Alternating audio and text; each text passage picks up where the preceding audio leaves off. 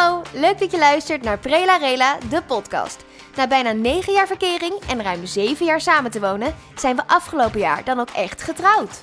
Ja, om ons heen zien we heel veel koppels de grote stap zetten in hun rela, maar we zien ook heel veel mensen twijfelen en weer uit elkaar gaan. We hebben onszelf schaamteloos gebombardeerd tot relatie-experts, of nou ja, Pip heeft dat gedaan. En wij willen heel graag, samen met jullie natuurlijk, uitzoeken wat nou het geheim is achter een goede rela, prela, kwarrel of scharrel. Kortom, gewoon even 20 minuten ontspannen op de fiets, in de trein, tijdens het sporten of als je studieontwijkend gedrag vertoont. Ik ben Pip. En ik ben Pim, en dit is Prela Rela, de podcast.